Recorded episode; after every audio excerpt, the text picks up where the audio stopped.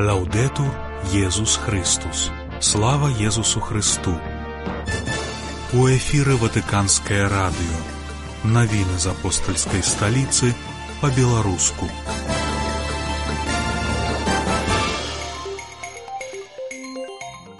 Францішак падзяліўся ўспамінамі пра бенедыкта 16 святы пасаты Італія дамовіліся аб адкрыцці новай сядзібы шпіталя бамбіну джезу. Наша рубрыка працягвае знаёміць з хрысціянствам у беларускай літаратуры. 9 лютага вас вітае Александр Панчынка.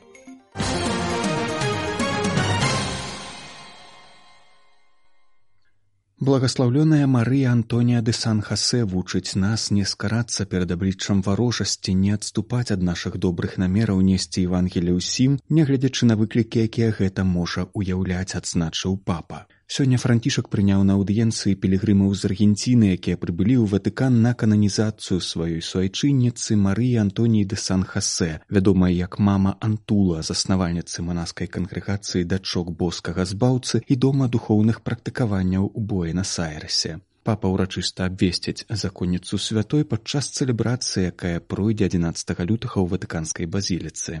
Пантыфік адзначыў, што прыклад міласэрнай любові мамы антулы асабліва яе служэння самым бедным вельмі актуальны для сучаснага грамадства, якое рызыкуе забыць, што радыкальны індывідуалізм гэта вірус, які надзвычай цяжка перамагчы, бо ён падманвае, прымушаючы нас думаць быццам галоўнае гэта даць волю ўласным амбіцыям. У гэтай благаслаўлёнай мы знаходзім прыклад і натхнення, якое ажыўляе выбар на карысць апошніх тых, каго адкінула грамадства. Таму няхай яе сведчанне дапаможа вам быць такім жа знакам любові і пяшчоты сярод нашых братоў пажадаў папа. Францішак заклікаў памятаць, што шлях святасці прадугледжвае даверы поўнае адданне сябе Богу.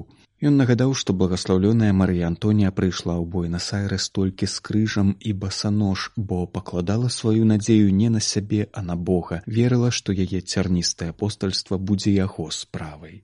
Яна перажыла тое, што Бог хоча ад кожнага з нас, каб змаглі зразумець яго пакліканне кожны ва ўласным жыццёвым стане, бо якое б яно не было, яно заўсёды будзе абагульняцца ў спаўненні ўсяго дзеля найбольшай хвалы Бога і збаўлення душаў, адзначыў святы Отец. Францішак згадаў, што пасля забароны дзейнасці таварыства Езуса благаслаўлёная Марыя Антонія працягвала прасоўваць ігнацыянскія духоўныя практыкаванні, намагаючыся дапамагаць усім адкрываць прыгажосць наследавання Хрыста. Ва ўмовах варожага стаўлення да езуітаў гэта было нялёгка, таму яна арганізоўвала практыкаванні патаемна.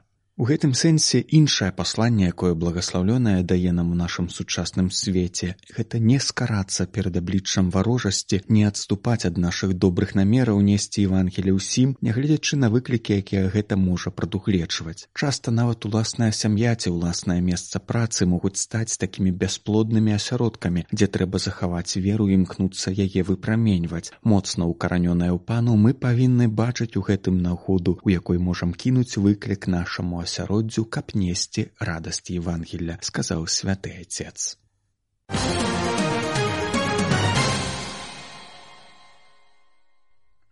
Францішак расказаў пра свае адносіны з бенедыктам 16 у інтэрв'ю іспанскаму ватыканісту і рымскаму карэспандэнту тэлеканала ABC хаўеру Марцінасу бракалю.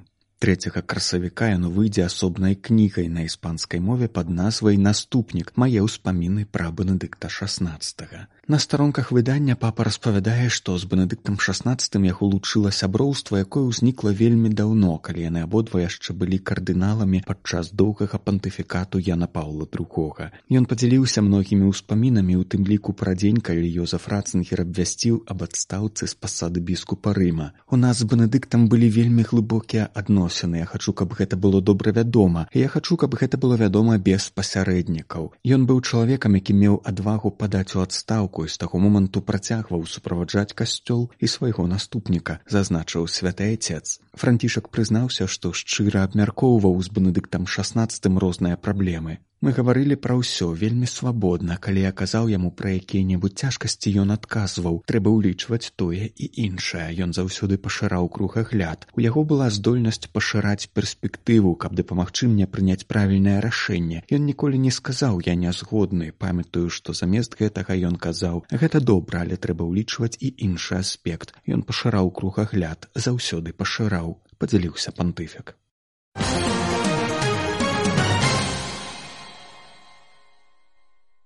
Учора кардынал дзярж-сакратар П'етра Параліны прадстаўнік італьянскага ўрада Альфреда Мантавана падпісалі дэкларацыю аб намерах, якая прадугледжвае адкрыццё новай сядзібы педыятрычнай клінікі бамбіну Джезу.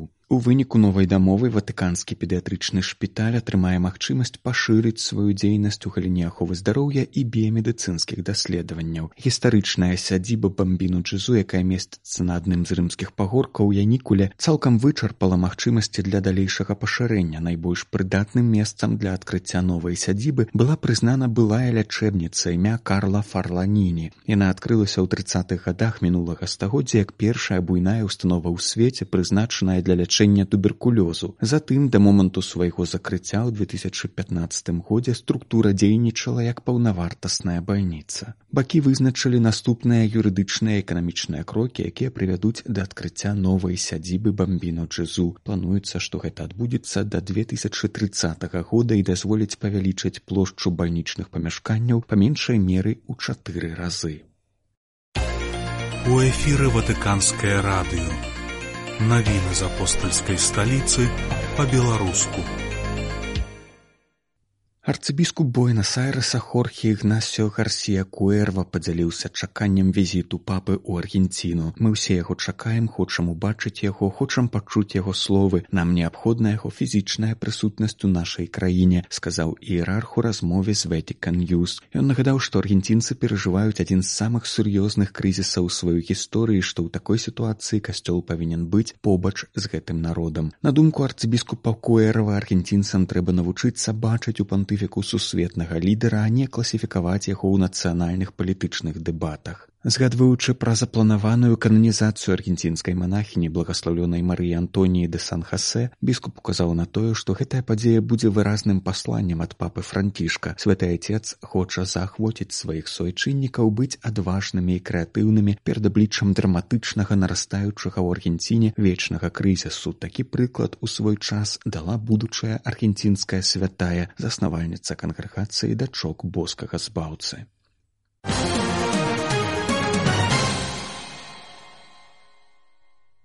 У гэтыя дні бяспечнымі гуманітарнымі калідорамі ў італію прыбылі дзеці з палесцінскай газы. Выратавальная аперацыя адбылася па ініцыятыве францішканскай кустодыі святой зямлі пры падтрымцы італьянскага ўрада Як паведаміў у размове з Вэтикан Юс ініцыятар акцыі айцец францішканін Ібрагім Фалтас, амаль кожнае з уратаваных дзяцей было выцягнута з-пад руін у газе. Паступова маленькіх пацыентаў прымаюць у бальніцах Мелана, Флорэнцыі і Генуі, а таксама ў ватыканскім педыятрычным шпіталі бамбіну Джезу. Уся аперацыя стала магчымай дзякуючы інтэнсіўнаму супрацоўніцтву Ізраіля, Палесціны і Егіпта, дзе дзеці прайшлі ўступныя абследаванні і былі падрыхтаваныя да далейшага шляху Італіі. Першая частка дзяцей была дастаўлена транспартным самалётам. Рэшта прыплыла на шпітальным караблі, які завяршыў сваю місію на блізкім усходзе. Пакуль што мы выцягнулі з пекла газы 88 дзяцей і іх апекуноў. Гэта кропля ў моры патрэбаў, бо некалькі тысяч палесцінскіх дзяцей патрабуюць тэрміновай дапамогі, сказаў ініцыятар выратавальнай аперацыі.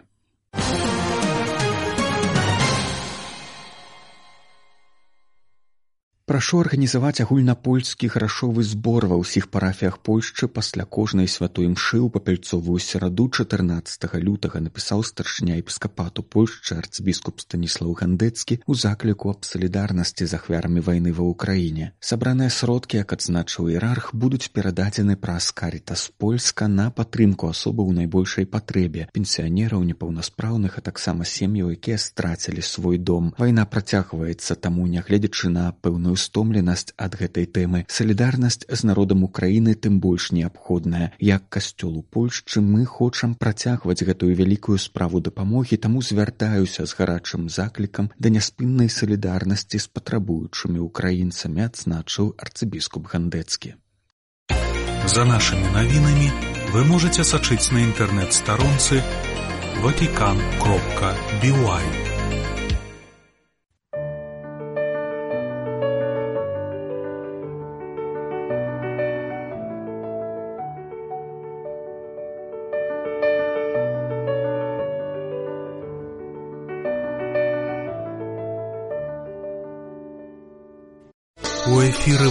грамадскае радыё по-беларуску.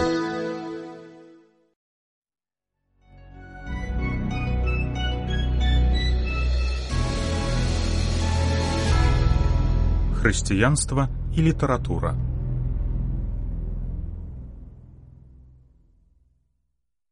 Вітаю вас, шаноўныя слухачы. У эфіры ватыканскага радыё перадача хрысціянства і беларуская літаратура ля мікрафона айцец Андрэй Крот. Працягваем знаёмства з рэлігійнымі матывамі ў публіцыстычных творах мехася зарэцкага. У папярэдніх перадачах мы гаварылі пра яго цыкл нарысаў лісты ад знаёмага, у якім зарэцкі апісвае падзеі, звязаныя з калектывізацыяй сялянскіх гаспадарак у савецкай беларусі ў трыцатыя гады мінулага стагоддзя пісьменнік закранае таксама і змены ў рэлігійным жыцці беларусаў у гэты перыяд ён апісвае жыццё духавенства пад ціскам савецкай сістэмы так у мінулай перадачы мы гаварылі пра сустрэчу героя лістоў ад знаёмага са святаром які выракся свайго сану. Нягледзячы на скептычнае стаўленне да былога бацюшкі, Зарэцкі згадвае, што святар жыў у галечы і адчуваў ціск атачэння, якое непрыхільна аднеслася да яго адступніцтва. Духавенства залічвае савецкі пісьменнік да ворагаў калектывізацыі. Піша, што пры дапамозе веры ў розныя выдуманыя цуды святары імкнуцца адгаварыць сялян уступаць у калгасы. Хоць на самой справе аўтарам чутак пра розныя незвычайныя здарэнні быў сам народ. Сустрэча з былым святаром падштурхоўвае героя лістоў ад знаёмага да разважанняў пра ролю рэлігіі ў тагачасным грамадстве. Паводле савецкага пісьменніка сацыяльныя змены выклікалі адыход людзей ад веры масавае закрыццё святынь у савецкай беларусі і па ўсім савецкім саюзе ён лічыць добраахвотным вера ў бога паводле мехася зарэцкага вучыць чалавека пасіўнасці таму калі пачынаюцца змены ў грамадстве людзі адмаўляюцца ад рэлігіі у старажытнасці нашыя продкі па гэтай прычыне адмовіліся ад язычніцтва на карысць хрысціянства У больш познія часы людзі наогул адыходзяць ад веры ў Бога. Вось як разважае герой мехася зарэцкага. Магутны эканамічны і сацыяльны зрух, які мы цяперашнім часам перажываем, справаджаецца шырокім абурэннем мас супроць рэлігіі. Адна за адной з волі саміх веруючых зачыняюцца цэрквы, сінагогі, касцёлы і абарачваюцца ў асяродкі пралетарскай культуры. Адзін за адным пазбаўляюцца святыя пастыры сваіх слухмяных авечак і трацяць цёплыя наседжаныя гнёзды. І вось, калі я задумаўся над тлумачэннем гэтых надзвычай паказальных фактаў, мне чамусьці ўсплыло на думку, як калі яшчэ за паганскімі часамі нашы прабацькі уведзеныя ў злосць няўважнасцю багоў, лупцавалі святыя іхныя статуі і ў гэтым выяўлялі сваю чалавецкую сілу і актыўнасць. Рэлігійная спадарожніца слабасці чалавека, прыгнечанасці ці волі яго і розуму. Рэлігія ў сваёй сутнасці пачатак глыбока пасіўны, таму кожны выбух масавага абурэння выклікаючы актывізацыю волі чалавека, узнімае ў ім бурны пратэст супраць боскага чмуру. Біццё багоў частка кожнай рэвалюцыі. Мы бачым гэта не толькі ў нашу эпоху, так было і раней. Успомні, напрыклад, вялікую французскую рэвалюцыю, як узмыла была магутную хвалю рацыяналізму. Успомні нашы расійскія бунты, Яны заўсёды ў большай ці меншай меры уключалі ў сябе элементы ваяўнічага блюзнерства. Разважанні героя мехася зарэцкага пра рэлігію гэта адлюстраванне тагачаснай савецкай прапаганды. На самой справе закрыццё святыняў у савецкай дзяржаве ў двадцатыя тридцатыя гады мінулага стагоддзя было далёка недобраахвотным. Многія людзі, нягледзячы на ціск камуністычнай сістэмы, захоўвалі веру, хоць і не маглі пра гэта адкрыта гаварыць.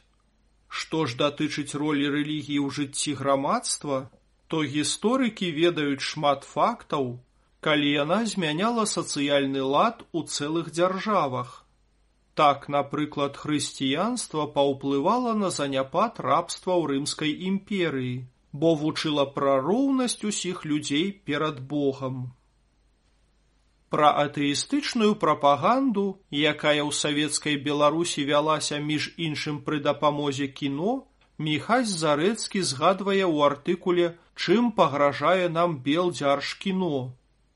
Крытыкуючы план беларускай кінастудыі на 1928-1929 гады, які на думку пісьменніка занадта павярхоўны, Зарэцкі называе сярод тэм, што збіраюцца закрануць творцы кіно, барацьбу з рэлігіяй.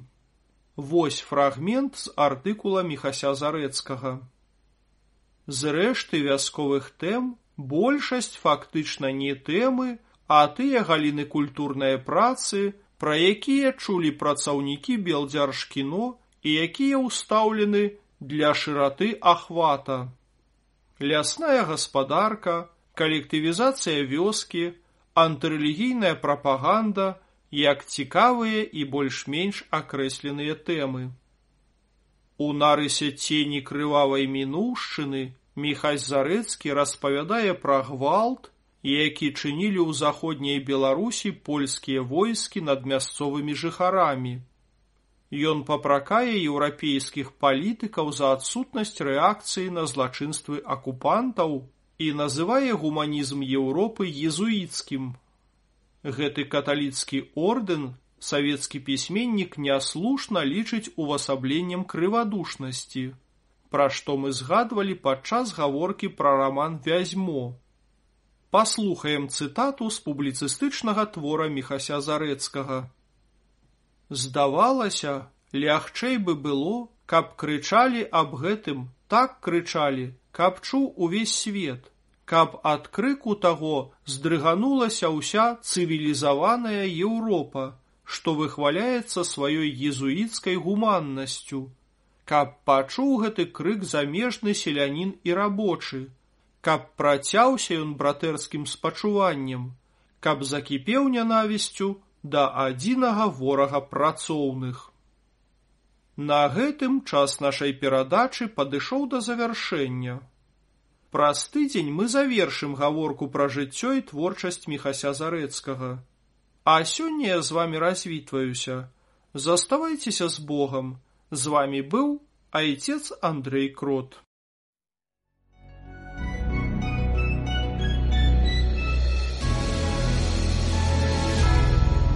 Хрысціянства і літаратура.